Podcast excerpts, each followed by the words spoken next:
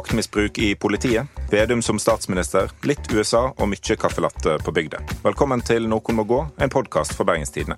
Med meg i studio er Anne Rokkan. Hei, Morten. Ja, ved min side så sitter Jens Heisan Albert Sveisan Schiel. Hei sann, Patrick Sveisan. Og så er det deg, da. Lille Morten Krenkefest Myksvold. Har du det fint? Ja, jeg har det veldig fint. Fikk ikke et uh, mellomnavn uh, som Svei i dag, så det, det går bra. Isteden et en mellomnavn henta fra eh, Sian sin aktivitetskalender. Og du kommer fra høyresida, så det svir jo ikke. Au. Mer krenket av å bli kalt et kvinnenavn enn en krenkefest? Ja, altså Usikker på hvilken retning krenkefesten går. Er det jeg som krenker, eller er det jeg som blir krenka? Ingen veit i det tilfellet der, og du trenger ikke følge opp det der, Jens. Hva danser folk på Sian sin julefest? Krenka. Oh! Oi, oi, takk for meg. oi. Ja, takk til deg. Vi skal videre til sånn ekte politikk og sånn. Ehm, det er sjanse for at eh, vi får en ny statsminister neste år, og det kan være han her. Du er leder av Senterpartiet, og muligens Norges neste statsminister. Blir du det? Jeg har blitt spurt mye om det, det spørsmålet. Om posisjoner, regjeringssamarbeid og alt òg. Jeg synes det er veldig sånn avsporing, for det er jo hva vi går til valg på? Altså, Hvilke saker er det vi, vi ønsker? Og klart at Vi har vært tydelige på at vi ønsker en Senterparti-Ap-basert regjering. Dette var Senterpartileder Trygve Slagsvold Vedum i Nettavisen-podkasten Stavrum og Eikeland. For vi må snakke litt om stortingsvalget neste år. Med mindre enn ett år igjen så kan faktisk Senterpartiet passere Arbeiderpartiet. Den siste målinga til nettopp Nettavisen viste Senterpartiet på 19,8% Ap på 20,8 Det er i tråd med det TV 2 viste tidligere denne måneden. Eh, Ap nede på 18,4 og Senterpartiet er hakk i hæl. Kan Trygve Slagsvold Vedum faktisk bli statsminister i Norge? Jens?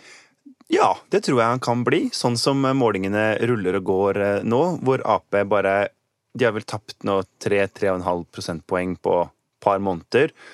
Og, og jeg skjønner ikke helt hva det er som skal redde dem opp av dumpa. Og Senterpartiet gjør det, jo, de gjør det jo knallbra, og er jo De virker jo i kjempeform over hele landet, egentlig. Og jeg tenker jo at eh, det som er nå, er jo at Vedum sier jo sånn Vi er ikke opptatt av posisjoner. Eh, han sa vel til Nettavisen i forbindelse med den jubelmålinga at politiske journalister er mer opptatt av spillet enn det folk er.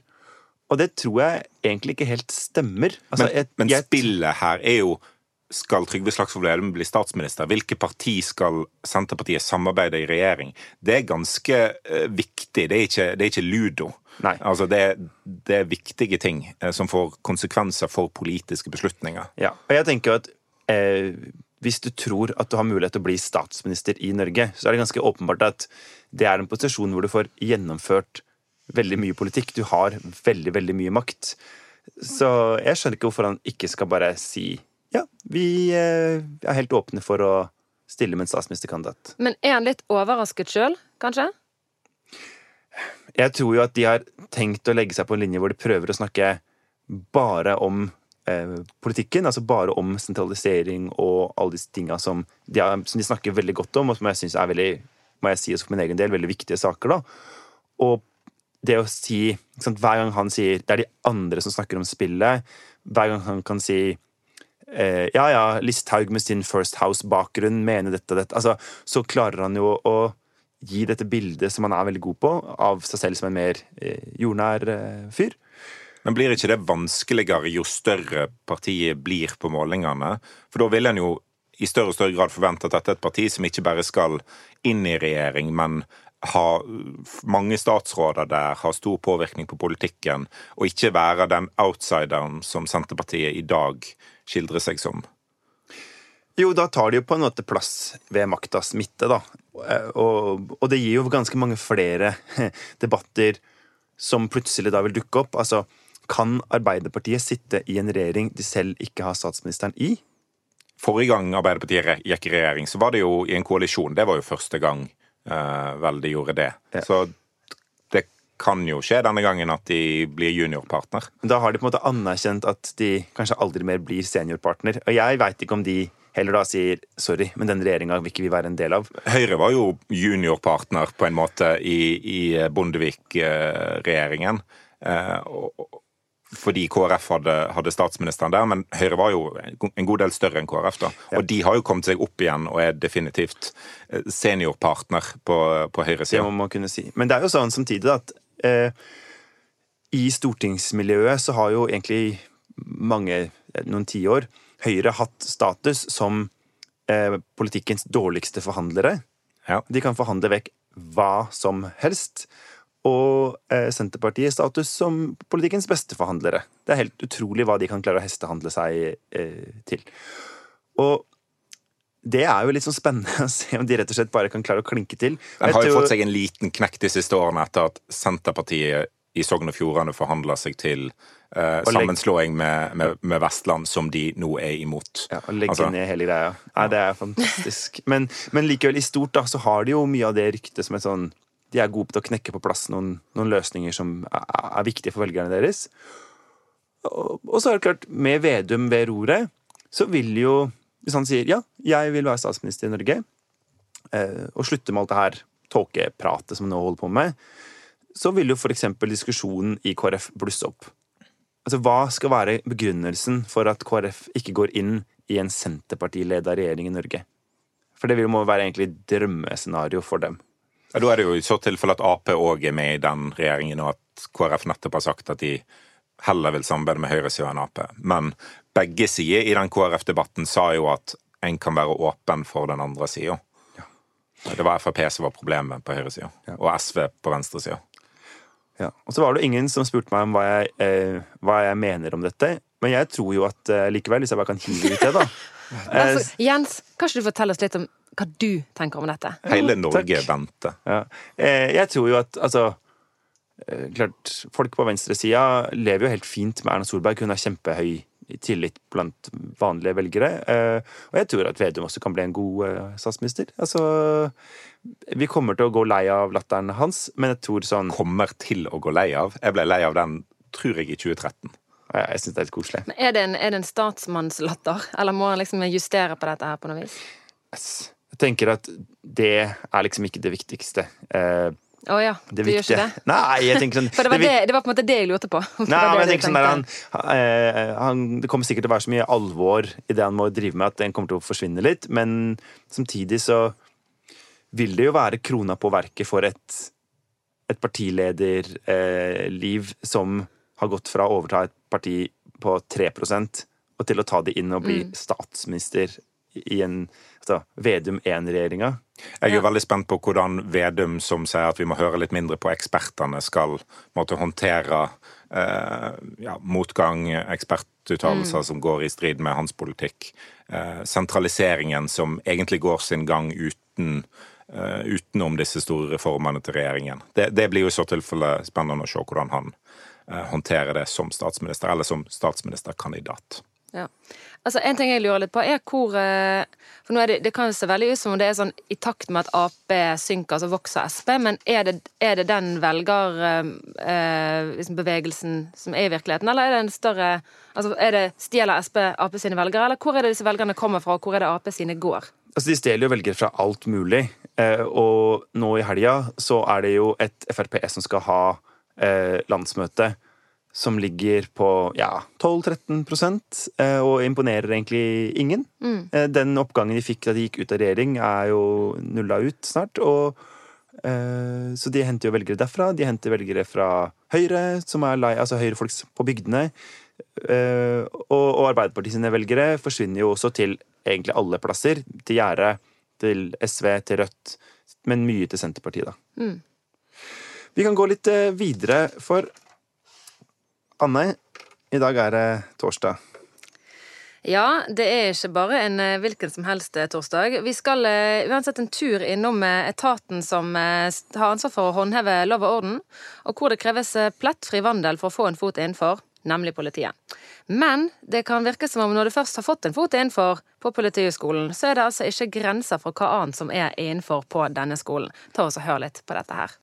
Monica Mæland, knulletorsdag, var det et begrep du var kjent med? Nei, eh, og det er uakseptabelt uansett begrep og uansett handling. Ett overgrep er ett for mye, og sånn skal vi ikke ha det i norsk politi. Ja, knulletorsdag. Eh, vet jeg ikke. Oi, ja. hva er det som har skjedd? Nei, hva er det som har skjedd? Altså det som er, for å sette det litt i kontekst, da, så er det to forskere som eh, gikk i gang med å undersøke eh, faktisk høsten 2018 eh, hvorfor det er så få kvinner i, innen operative enheter i politiet. Og det fant de jo ja, kan vi si enkelte gode forklaringer på. De avslørte jo en sånn veldig sånn sterk mannsstruktur. Eh, dårlig forståelse av makt eh, og ansvar innenfor politiet. Veldig mye varsling om seksuell trakassering. Eh, og dette kom frem i vinter. Eh, Men nå er det på en måte flere funn i kjølvannet av eh, ja, et forskningsprosjekt som fortsatt pågår, og en, mange flere varslinger og, fra, ja, internt på Politihøgskolen også. Og da kommer jo blant annet denne her eh, knulletorsdagen frem. Som allerede har blitt et begrep i Norge. Ja, og det er jo veldig lett, det er veldig lett å, å le av det ordet. Sant? Altså, det er jo, er jo helt absurd, i hvert fall når du tenker på dette er politiet som har lansert sånn, en intern knulletorsdag. Hva er det for noe? Ja, for det er, det er jo dritalvorlig. Altså, det det er, eh, akkurat den knulletorsdagen, da, er at Bare for eh, å få sagt det ordet. Flest mulig ganger. ja, men, Men, men, jo, det det, det det har vært, er jo at det er, i løpet av politiutdannelsen så har man et tre uker som treningsopphold på en leir på Østlandet. Litt, de har ulike leirer de Østlandet. bruker. På Østlandet. Et eller annet sted på Østlandet. Eh, og der Ja, har de da ja. den siste liksom eh, Det avsluttes da en fredag. sant? Og den siste torsdagen før kurset er over, så har det vært eh, vanligvis en sånn festmiddag for både instruktører, men også da studentene, sånn som de har sammen. Jeg kan se for meg et rimelig greit sjøslag. Og dette er da blitt kjent som knulletorsdag. Men det er er det fordi at studentene finner hverandre på den festen? Nei, det er nettopp her problemet oppstår. sant? At lærerne ved Politihøgskolen, altså instruktørene på det kurset, eh, ligger med sine egne studenter. Og dette er jo ellers i samfunnet etter hvert blitt litt sånn opplyst og vedtatt at det, det, det driver vi ikke knuller med. ikke nedover. Spesielt, nei, du knuller ikke nedover. Eh, spesielt ikke sånn i, på et arrangement i liksom, regi av Politihøgskolen som du underviser denne studenten på? Nå er hukommelsen min litt sånn sviktende, men var det ikke egentlig en sånn verdensomspennende kampanje her for kort tid siden? Hva var det? Ni et eller annet? For å hindre- var det det? For å hindre liksom Jeg seksuelle relasjoner Ja. der det var maktforskjeller. Ja. Det var noe med det, denne maktposisjonen der som var nøkkelproblemet i Eller liksom det som var banebrytet med den eh, bevegelsen. da, At vi skjønte liksom hvordan dette henger sammen, og nettopp hvorfor det var så galt. Og det er ikke bare knulletorsdag som har eh, vært eh, problem. Altså, du har fått sånne avstrenger som at eh, eh, rene kvinnepatruljer i en operativ enhet kalles for sånn tampongpatruljer og sånne ting. Som er sånn også lett å le av, men det er jo er helt forferdelig. Men noe av det siste som har kommet frem, er jo også at ehm, altså det har vært tilfeller der eh, folk bytter til seg bedre vakt, gunstigere vakter i polititjenesten og gode referanser i jobbsøknadsprosesser mot seksuelle eh, handlinger til til, ledere. Det sine så ekstremt Som drøyt. er, det er så straffbart. alvorlig. Ja, Altså- det er straffbart. Er, og dette er lovens lange arm. Sant? Ja. Dette er de som skal beskytte oss mot maktovergrep fra andre. Og så driver de på sånn mot sine egne. Men folk er jo veldig sjokkert over disse avsløringene her. Det, det, det har jo vært saker der stortingspolitikere raser, og tidligere justisministre er helt overraska over at noe sånt kunne skje. Men vi har jo hatt den undersøkelsen fra politiet i Vest i et år. Eh, Ja, og Altså- i, når han kom i vinter, så fortalte jo på en måte altså politimesteren her i vest Han sa at dette var Han anerkjente en makt eh, Altså et maktproblem og en mannskultur, og at han hadde, sa vi har menn som gjør dumme ting. Eh, og at dette hadde han liksom brukt de siste fem årene, de, de årene han har sittet som politimester og jobbet med. Og jeg må jo si det er Det skorter vel litt på resultatene. Ja, for det, jeg syns altså, Jeg har jo veldig lite tillit til politiet i Norge. Og jeg syns jo på en måte hver gang eh, det kommer til et sånt punkt hvor de må virkelig vise seg tilliten verdig, så klarer de å gjøre ca. alt feil. Ja. Altså sånn som med de store antirasistiske demonstrasjonene i Bergen og Oslo, eller ja, all, Det finnes bare et uendelig antall eh, eksempler på dette her. Ah, eh, vi har hatt noen saker nå med, med liksom flommen henleggelser i, i Bergen. Eh, og så er det sånn sånn Monica Mæland, justisministeren, som da sa til NTB at jeg trodde ærlig talt vi hadde kommet lengre. Sånn, Hvorfor trodde hun det? Nei, hva, altså, det, Se deg om, da! Altså, Ja. hva, hva slags altså, Politiet her i vest har liksom De gjør så mye rart. Selvfølgelig har vi ikke kommet lenger. Ikke sant? Og hun sier det er en eh, maktkultur, og det har vært en mannskultur. Sånn, har vært altså, Det er åpenbart at det er en mannskultur. Mm. Og det er en, har en vist- macho-bransje, rett og slett. Ja. Ja. Men jeg syns også, altså i, Det selv i dag og det er ikke sånn at det er løst nå, bare fordi disse tingene Nei, og så kommer sa jo hun politimester... Nei, Folk kommer til å glemme å knulle torsdag òg. Ja, eller de kommer til å knulle kanskje andre steder og Skal vi si tafsetorsdag? Tafse ja. Knulle er et eller annet som på en måte skjer bare mellom to mennesker som ikke er en slags metoo-relasjon. Og du mener at eh, den vakre knullingen på privaten, er det liksom det, det du forbinder med ordet knull? Ja. Nei, men det er noe med liksom Dette er jo Jeg syns vi må gi det et navn som er mer eh, ubehagelig. Ja, tafsetorsdag. Tafsetorsdag. Det kan vi jo ta med, det er jo noe for, for podden å notere seg. knulletorsdag er et ganske ubehagelig begrep. Ja. Det vil men det er protokollført. ja. Men til poenget, Knulling da, Jens Kiel. Jeg tror faktisk det var på Radøy knulling ble funnet opp, var jeg helt ærlig. Men ehm, altså for eksempel så sier jo rektor på Politihøgskolen ja, vi har hørt noen rykter om denne knulletorsdagen Ja, men da må i årevis. De liksom ja, men det skjønner du, det det. sier hun, det har de gjort. For det, at det som blant annet har blitt gjort, er Og så har de henlagt det på bevisets stilling? En, nei, de har ikke, nei, jeg tror det har ikke vært noe tiltale. Er du gal? Altså, det er jo politifolk, dette her, så de har sannsynligvis, de er jo ikke skyldige. Men eh, det de har gjort, er å be eksempel enkelte av disse instruktørene om å si at de ikke er velkommen tilbake. Og såpass sterke virkemidler skulle du jo tro at løste opp i hele maktstrukturen. Men det viser seg jo altså at dette handler om noe mer enn enkeltpersoner. Hvem skulle trodd? Altså, det er jo sånn Når du tror at eh, Arbeiderpartiet er dårligst i klassen på å eh, håndtere metoo-problematikk, så kommer selvfølgelig politiet ut og bare OK, vi ler av dere, for sjekk hva vi kan. Ja, Vi skal videre i eh, sendingen. Eh, Det har vært hjemme alene-fest på eh, avdelingen vår denne veka.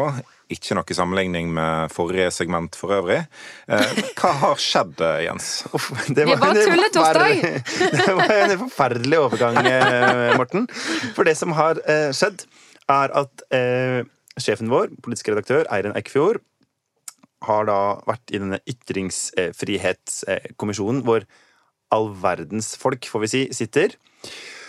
Og så har hun mottatt Riksmålsforbundets eh, gullpenn. Ja, jeg vurderte om du ikke skulle nevne det, for det var Riksmålsforbundet. Men eh, jeg- jeg vil gjerne gratulere. Jeg syns det er en eh, flott pris, Eirin. Jeg vil også gratulere. Jeg håper at jeg kan få den derre kjiphetsprisen til Riksmålsforbundet, som de også tydeligvis har begynt å dele ut på nattestid på Facebook-sidene sine. Men eh, det har jo da gjort at jeg har vært eh, sjef på avdelinga. Ohoho. Ja, dere sitter her jo begge to i Eller har jo ikke noe valg. Nei, det har dere ikke, for da har dere sparken. Men det gjør jo at eh, et av de merkelige ansvarene man da får, er å prøve å finne ut hva er BTs linje i små og store saker som skal havne på lederplass. Morten, hva er det som er eh, hva er det som er vår linje? Ja, for Det er ikke tilfeldig hva, hva en ender opp med på, på lederplass, og hva meningen er der. Eh, Det står så fint på hver leder eh, vi publiserer, at lederartikkelen uttrykker Bergens Tidenes publisistiske idé. En partipolitisk uavhengig, frittstående, liberal og borgerlig, ikke-sosialistisk avis. Og Det burde jo være enkelt og greit å forstå. Det betyr jo stort sett at jeg prøver å finne et tema, og så tenker jeg hva er det motsatte av det jeg mener om det? Det er antageligvis det. Ja. altså, det eneste området hvor eh, Bergens Tidende jeg er enig, tror jeg, er at vi begge mener at eh, homoer i Polen ikke burde bli banka opp. Ja, men Vi kan sjekke Jens sitt, uh, sin linjeforståelse med om hvis jeg er enig med linja, så er det stort sett uh, riktig, fordi at uh, linja er bra. Eh, linja er helt Ja, ja, linja er linja. Men da er det jo sånn, ikke sant, når du tar denne frittstående, borgerlig, parentes, ikke-sosialistisk osv., og, så og så kommer det spørsmål for eksempel strandsone. Og så må vi da bare prøve å håndtere det. Og da hadde vi, hadde vi noen runder på liksom Hva skal BT mene om strandsonepolitikk? Ja, hva, er det- hva er det ikke-sosialistiske, borgerlig-liberale? det er veldig lett å tenke at det liberale, ikke-sosialistiske synet på strandsoneutbygging i Bergen da, er at folk må få lov å bygge. Mm. Men det er ikke så enkelt. Nei. For de færreste bor jo i strandsone. De færreste har råd til å bo i strandsone, men de fleste har kanskje lyst til å ha tilgang til strandsone. Ja.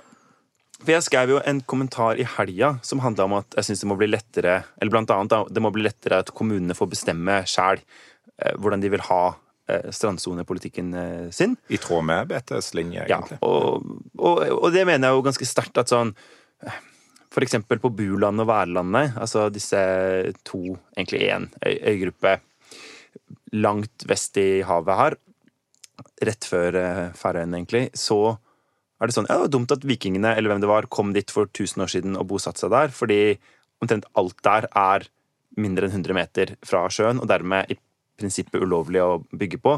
Men folk må jo få lov til å bygge et naust eller en molo. Ja, for det har vært forbudt å bygge i strandsonen siden 1965. Ja, Men det har blitt bygget litt. det har blitt siden- bygget litt. Eh, og, og sånn er det jo mange plasser. Mens i Bergen så er det jo nå under 30 Mm. av Så, av strandsonen som er tilgjengelig. Ja. Ubebygget. Ja. Og den delt på eh, snart 300 000 bergensere, og noen av oss andre, eh, betyr at det Du er kan ganske også få lov å vandre i fjæra her vest på Ski. Det er ikke lov å si. Eh, Oi. det tenker jeg er eh, Da stiller spørsmålet seg annerledes, da. Ja.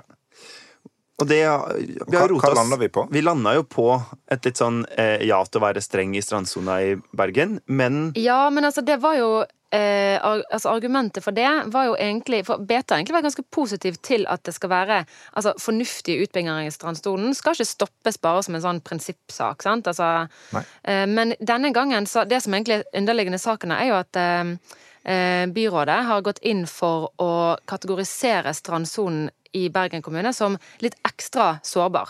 ja, den er Eh, som på en måte den- Indre Oslofjord Ja, eller sant? Så vi har tidligere vært i det som het sånn Altså vi har lagt på sånn nivå to, som er sånn ganske truet. Men nå er vi altså, siden vi er under 30 har igjen av den, så vil vi ha den på nivå én, sånn den mest truede, eller sårbare. Og det har Da tenker vi at sånn eh, dette er jo lokalt selvstyre. Altså, Det er jo kommunen sjøl som velger å gjøre det vanskeligere å bygge ut, eller de skal heve terskelen for hvem som får bygge og hva som skal bygges. Eh, og ja vel, hvis det er det kommunen sjøl vil, og det er et bredt flertall i bystyret. Ja. Og skal du ha et prinsipielt syn på lokalt sjølstyre, så, så må en akseptere innstramming Mm. på strandsoneutbygging, og en må akseptere om eh, et senere politisk flertall i Bergen åpner litt mer opp. Ja. Eh, Det Fordi at lokalt sjølstyre handler jo om at det kan være forskjellige beslutninger i Bergen og Stavanger Mm. på samme tema. Ja. og, og ofte når politikere snakker om lokalt sjølstyre, så, så snakker en det opp når kommunene er enige med seg sjøl og, og, og sier at her må staten ha en enhetlig politikk når kommunene er uenige. Sånn som høyresida nå gjør på eiendomsskatt, f.eks. Mm. Eh, Da er ikke lokalt sjølstyre så viktig for folk. Men BT er ganske prinsipiell på det og mener at lokalt sjølstyre er bra forskjeller. Og så et annet prinsipp som BT jo holder veldig høyt, det er jo hvis de mener noe i Oslo, så mener vi det motsatte her. Eh, Ja. Så hvis de mener dere kan godt slakke litt opp, så da skal vi stramme igjen. Da skal vi stramme igjen. Sånn, eh, det er vel egentlig det som står mellom linjene i BTs eh, eh. Frittstående, står det. Ja, meget frittstående. Ja, Frittstående i opposisjon til den undertrykkende hovedstaden. Ja. Så har vi hørt noe fra Eirin, eller fra Frøy, vår kjære sjefredaktør? På den lederen? Ja. Nei, det er du som er Ja, sjef. det må Det er du du svare som på. Har du fått kjeft? Har du fått ros? Jeg har ikke fått verken kjeft eller eh, ros, så da tror jeg vi bare prøver å skrive par ledere. altså. Ja, skrive noen ledere til Og Da tror jeg vi konkluderer med at vi traff på linja der. Åh, yes. Da, eh, jeg gjør som Knut L. Hareide etter eh, veivalgsprosessen og gir meg selv terningkast fem. Ja. Selv om han tapte alt, så vil du sammenligne deg med han? Altså, Han får jo lov til å bygge ny jernbane mellom Bergen og Voss, så han har jo ikke tapt noen ting. Får han det? Det får han lov til av meg, Kom- siden jeg er sjef denne uka. ok.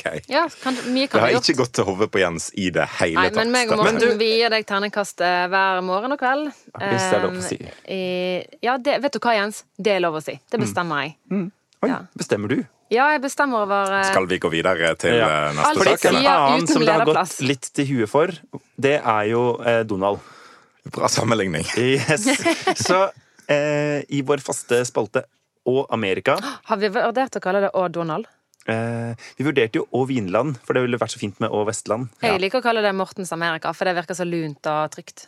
Selv når Ja, for det er jo, alt du ser på utviklingen i USA nå, er jo lunt og trygt. Mixington, DC. ja, men det drømmer meg tilbake til Mortens Amerika. på en måte Men kom igjen, da, Ja. jenter.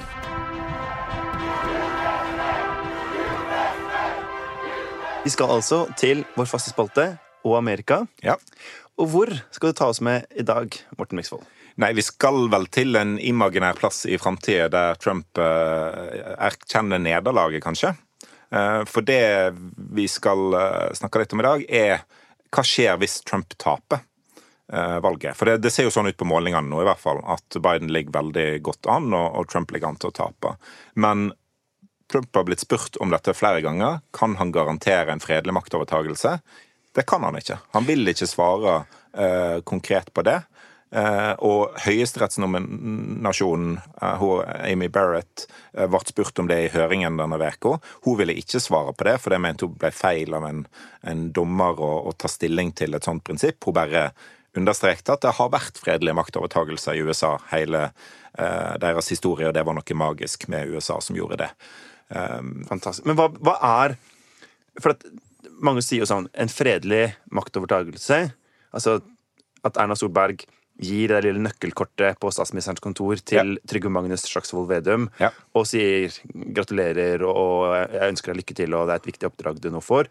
Det sier folk, det er det fineste med demokrati. Ja, for det, Eh. det er mange som sier at valget er det fineste, men valg kan mange ha.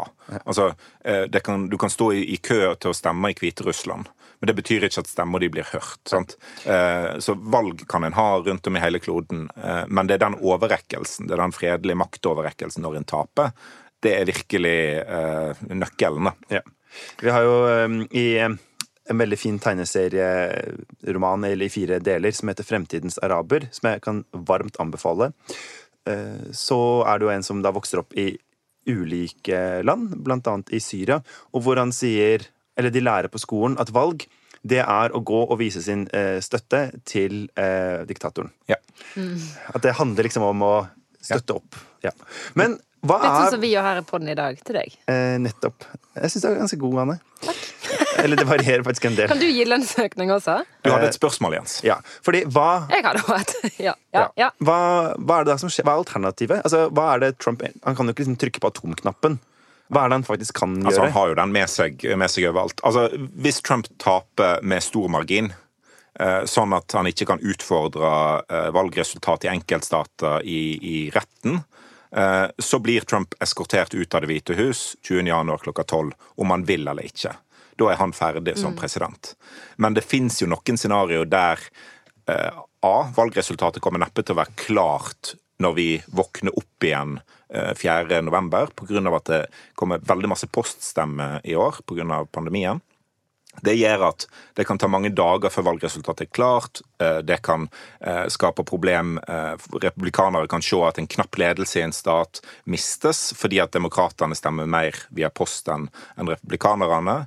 Og det kan føre til voldelige reaksjoner. Det kan føre til at legitimiteten til valget svekkes, og at det blir kamp i domstolene og for så vidt på gata eh, om, om valgresultatet. Det er én vei til, til et sånt kaos. Så det fins et sånt skrekkscenario der valgresultatet av en eller annen grunn ikke er klart 14. desember, når valget faktisk skal avholdes, for da kommer valgmannskollegiet Ja, der, ja. eh, og skal stemme på hvem som skal bli president, og de står faktisk egentlig fritt til å stemme.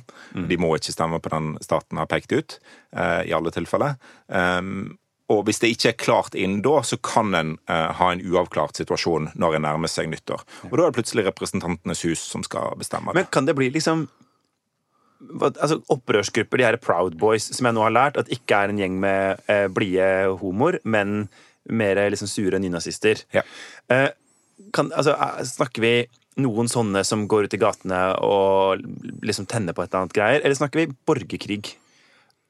Altså, det at uh, noen ekstreme grupper går ut i gatene og tenner på noe, er nok veldig sannsynlig at det kommer til å skje uh, i, i, i, eh, dagene etter, etter valget. Om det blir noe bredere enn det, det vet vi rett og slett ikke. Vi vet ikke hvor ille det blir med den, den opptellingen, og hvor lang tid det tar.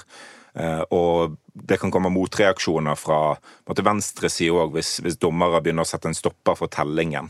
Eh, Og mener at valgresultatet og valget skal være ferdig opptalt si 5. Men hvordan kan, det være November. så, hvordan kan dette systemet være så skjørt?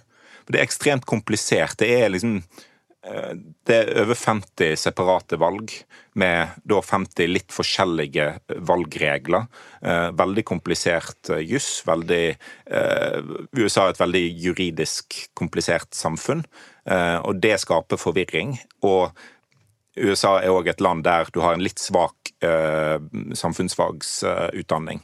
Så folk er ikke nødvendigvis veldig eh, sterke i kunnskapen, men I tillegg så er det juridiske veldig, veldig komplisert. Ok, Så det er egentlig svaret på dette her er mer o-fag til folket? Ja, det, det er det virkelig. Jeg kom bort første jeg, jeg hadde jo eh, et år som utvekslingsstudent på high school i USA, og det første som skjedde i US government-faget vårt, var at vi skulle ta en, eh, en sånn eh, eh, prøve for å se om vi kunne blitt amerikanske statsborgere. Og det var vel fem-seks av oss i klassen som klarte den prøven. Eh, og det er sånn Altså, og de andre andre var amerikanere. Ja, ja, alle var amerikanere. Men du klarte den. Ja da. Du er så flink, Morten. Ja, men det var sånn For Hvor mange, utrolig- flagg, hvor mange stjerner er det i flagget i USA? Å ja, såpass. Sant? Og det er, ikke, det er ikke ekstremt vanskelige spørsmål. 50? Ja. Ja. Alle tror det er 52. Jeg også Det tror kommer kanskje til å bli 52 hvis demokratene vinner, men det er tema for en annen eh, ja. Ja, ok. Men eh, vi skal straks videre, men da må vi nesten stille det spørsmålet som vi pleier å stille. Altså, hvem vinner? Eller du sier jo egentlig nå at eh, Donald har ikke I onsdag så skifta eh, 538 sin modell Georgia over fra uh, jevn, altså over fra lysrød til lysblå. At Biden har overtatt en knapp ledelse i Georgia.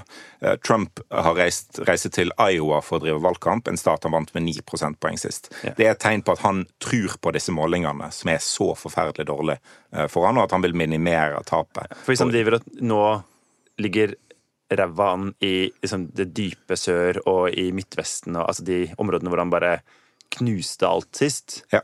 da er det ikke sjans. da, da er det ikke sjans. Så det, det virker som han driver en skadebegrensningsstrategi nå. og Hvis han klarer å snu ting i, i Iowa og Georgia begynner å få en liten opptur der, så kan det jo selvfølgelig hende at velgere i Pennsylvania eksempel, blir mer eh, entusiastiske og tror på Trumps seier. Mm. Eh, så, så det er kanskje en vei, men jeg tror han egentlig bare prøver å begrense tapet nå. Herregud, jeg er glad jeg slipper å velge mellom de to kandidatene. Det er et enkelt valg. Jo da, vi må jo, det, er, det, er, det er et enkelt valg, men sånn herre gå og stemme på Pest eller influensa? Influensa hver gang. Ja, men pest eller liksom eh, Magesjau. Jeg vet ikke. Magesjau hver Underlivssopp, gang. og at du må gå med et stort skilt på magen som sier at du har det. Nei, det er ikke Her er det sammenligninger på høyt nivå. Takk. Ja. Dette tar vi opp neste gang. Hva som er verst av de to? Det var jo et interessant dilemma. Ja. Vi skal videre til eh, vår eh, faktiske faste spalte og Vestland. Hei! Hvor har du tenkt å reise i dag, Jens? Du, vi skal eh, til Førde. Igjen? Byenes eh, by. I hvert fall i Sogn og Fjordane, for det er ikke så mange å velge mellom. Eh, og til en sak i eh, Firda, våre venner der oppe. Denne gjengen mente Førde mangler kaffebar, åpner ein sjølv. Og det som er God eh, vurdering og god handlekraft. Ja, ja, ja. Jeg liker alt med dette. Eh, og, og jeg er helt, også helt enig. Det er veldig bra med en kaffebar i Førde, og jeg gleder meg til å se hva de får til. Men det som egentlig er det jeg hadde lyst til å ta dere med til, var caffè latte på bygda. Så før vi går videre, hør litt på dette. Jeg vil ha den eh, svart og god. Eh, Hva er ditt forhold til caffè latte? Nei, vi kaller det ikke det. vet du. Det er bare sånn jåleri, egentlig. Det er kaffe med mjølk. Skinny flat white? Hva, hva? Jeg har ikke peiling hva det er. Men americano har jeg skjønt er da espresso-basert kaffe. Hvem er kaffe latte-partiet i Norge? Altså, Vi burde jo egentlig vært det. Kaffe med mjølk er jo, Vi er veldig for mjølk. Så, men eh, kulturministeren sa jo at det var toppen av lykke her. At de kunne gå ned på den lokale kaffebaren og kjøpe seg en kaffe latte-drikk. Og så mannen hennes gjorde jo narr av kaffe latte-drikking. Så det er den tydeligste for Høyre har mest ambivalent forhold til det her med kaffe og mjølk. Dette var et lite klipp fra eh, Nasjonen sine TV-sendinger, hvor de intervjua Trygve Magnus Slagsvold Vedum om eh, hans forhold til caffè latte og andre kaffedrikker. Fordi det er jo liksom ingenting som har mer sånn Oslo-status enn å snakke om de folka på Grünerløkka som drikker caffè latte. Altså, det er Du hører at da er du kommentator eh, eller politiker fra utafor Oslo-gryta. Ja. Og så blir jo spørsmålet med folk på, på bygda, og de driver jo med de greiene her. Eh, hva, hva gjør vi med at, at dette fiendebildet slår eh, sprekker? Altså, jeg har så mange tanker om dette. Og Ok, de kom med en av dem. Ja, jeg kommer med en, og det er at jeg tenker at liksom Beviset på at dette er ikke bare et sted å selge kaffe, men det, er, det blir et kaffe latte-sted, det er fordi det heter kaffebar, og ikke kafé. Ja.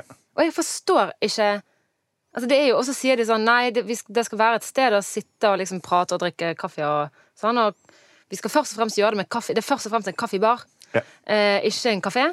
Men så heter de kardemomme, som er noe som jeg tenker øyeblikkelig Altså, jeg tenker øyeblikkelig gjærbakst. Men du kan også Og jeg blir så forvirret. Hva, hva er profilen? Er det kafé med kardemommebasert bakst? Er det kaffebar? I så fall er det latte. Har de For da er det jo små latte med sånne der opp. Mm. greier oppå kaffelatten. Det vi i hvert fall kan slå fast, er at det ikke er et sted med svart kaffe primært. For at det, du bruker aldri kardemomme på toppen av en kopp med Mm. Nescafé-gull. Men det er jo svart kaffe primært folk drikker. Ja, Er det det? ja Ja. fortell. fortell Jeg har, jeg har sett Og så hadde vi bare hatt en her som hadde lest seg opp på Norsk Kaffeinformasjon sin eh, monitorering En sånn av norske folk. supernerd som det. Kaffeundersøkelsen 2019. Er det ingen av dere som får den på e-post? eh, eller? 71% av det norske folk drikker svart kaffe fremfor kaffe med melk, eh, fløte og sukker. Eh, Så sju av ti liker svart kaffe fremfor eh, kaffe latte. Og nå er jo kaffe latte egentlig et samlebegrep for alt annet av ikke-svart kaffe. Altså, okay, det, er ikke sånn at, det er ikke sånn at dobbel cortado med karamellshot og Ja. alt mulig sånn ikke er en sånn elitekaffe, mens litt helmelk i Ja. kaffen, da er du et sånt elite. begrep, sånn symbol Ja, på. Men er ikke caffè latte først og fremst et begrep for partiene Venstre, Arbeiderpartiet og Høyre? Jo, det er vel kanskje det. Kanskje litt SV og MDG? Ja, MDG definitivt. Ja. Men da er det sånn, sånn soya pumpkin latte eller noe sånt noe. Ja, MDG har vel eh, kanskje sånn mandelmelk i kaffen sin. Æsj. Men Mandelmelk Er er det- godt. for- Nei, havremelk. Unnskyld. Ja. Greit. Trekker det med Ja, for mandelmelk. er ikke så veldig bærekraftig. Nei, det- Det ja. bruker ekstremt masse vann i er det. Ja. er det bra at bygdene prøver å bli Eller nå er jo Førde en by, da, men det er jo på en måte litt bygdenes by. Er det bra at de prøver å bli mer bylike? Eller er det liksom fint at de holder på sånn Nei, vi har bakeri, ikke kaffebar. Vi har liksom Coop eller Domus-kafeen. Vi er på en måte noe annet. Altså, De kan jo ikke holde på et sånn eh, Lie Nilsen, eh, wienerbrød og svart kaffekopp-image for vår del. Altså, de, Hvis de har lyst på caffè latte, og det kan jeg godt forstå at de har Jeg tror kanskje det Folk flest liker best svart kaffe, ja. Men det å kjøpe sånne fancy kaffeting i takeaway-kopp, det er på en måte mer enn sånn en state of mind-greie enn faktisk en, en kaffekopp. Drikker du latte? Nei, jeg liker ikke melk i kaffen. Jeg drikker faktisk ikke så mye kaffe lenger heller, men det er nå en annen sak. Men eh, det er Altså, jeg føler det er litt det samme som første gang jeg skulle skrive noe til denne avisen. Eh, og så for å liksom full eh, gjøre mest mulig ut av opplevelsen, så satte jeg meg på en eh, bar med lokale bar, Dr. Wisner, pub og restaurant og alt, alt du trenger. Eh, og så skrev jeg liksom sånn på Alt du trenger. Ja, det er alt du trenger. Og For- kildegrunnlag og det er det. Det altså, er, eh, ja, det er på en måte og Om ikke verden, så er i hvert fall landets navle. Spør meg, du finner alt du trenger. Men anyway, da satt jeg, og følte meg så utrolig sånn urban og voksen, og satt liksom med den bitte lille Mac-en min og skrev en eller annen dustmening eh, og skulle liksom sende til avisen. Og det var liksom mer en sånn Og da føler jeg jeg kunne gjort jeg, Alternativet hadde vært å gå på en kaffebar og bestille en sånn komplisert kaffe. For å få den samme følelsen av en sånn bekrefte sånn jeg, det, det er en state of mind, det er ikke selve kaffen. Men jeg tror ikke liksom, Førde blir mindre vestlandsk av å ha kaffebarer. Altså om, om bygde, små, eh, små byer tar liksom, noe av det bedre fra storbyene til seg, sånn som en, en kaffebar er, eh, så er det jo bra. Altså, det er jo bare en plass folk møtes eh, og, og drikker ting som folk uansett drikke til vanlig, kanskje tilberedt på en litt mer profesjonell måte. Det er jo sånn som bakeriene òg er. Altså Folk kan jo òg lage eh, bollene sine hjemme og spise det på kjøkkenbordet, men folk har òg på bygda og på Vestlandet gått på, på bakeri og kjøpt ting, fordi en, en liker å kose seg her òg. Ja. Eh, og, og kaffe er jo noe vestlendingen drikker veldig masse av. En skulle jo tro at det var her han kom fra. Ja, og jeg tror jo også at hvis, eh, hvis dette kan føre til en annen positiv ting utover det at Førde får et, eh, et rikere byliv, så er det jo at vi kanskje snart kan begrave det begrepet med caffè latte-drikkende eh, metoo urban elite på Grünerløkka.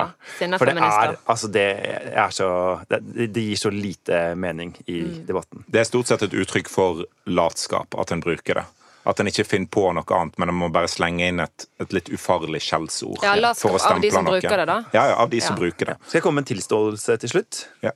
Eh, jeg har jo da brukt mye av ungdomstida mi på å sitte eh, Altså, jeg starta hver dag før videregående med å sitte en time på en av verdens eh, beste kaffebarer. Eh, altså, de har rett og slett blant annet vunnet et verdensmesterskap i baristakunst. kult, Jens. Er så heldig du har vært der. Eh, og, og det føltes veldig viktig for meg. Altså Jens 17 syntes det var sånn Det var dødsviktig Mm. med kaffe av høy kvalitet og alt det greiene der.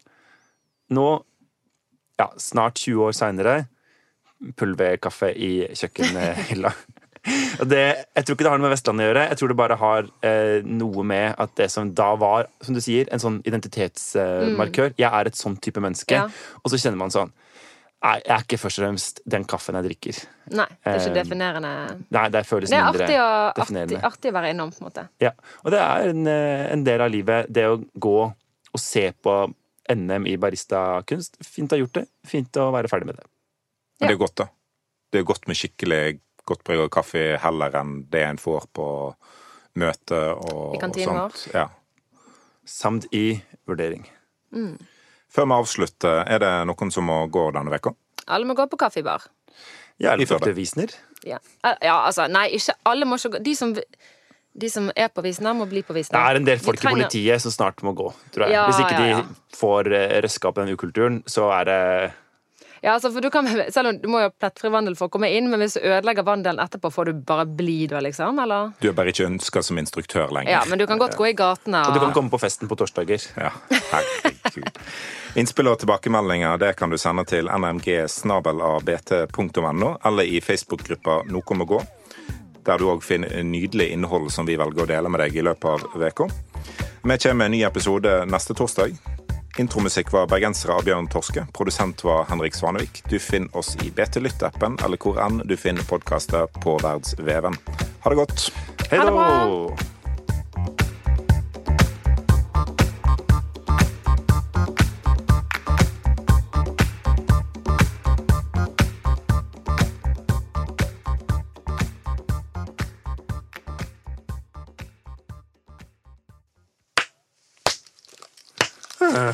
OK.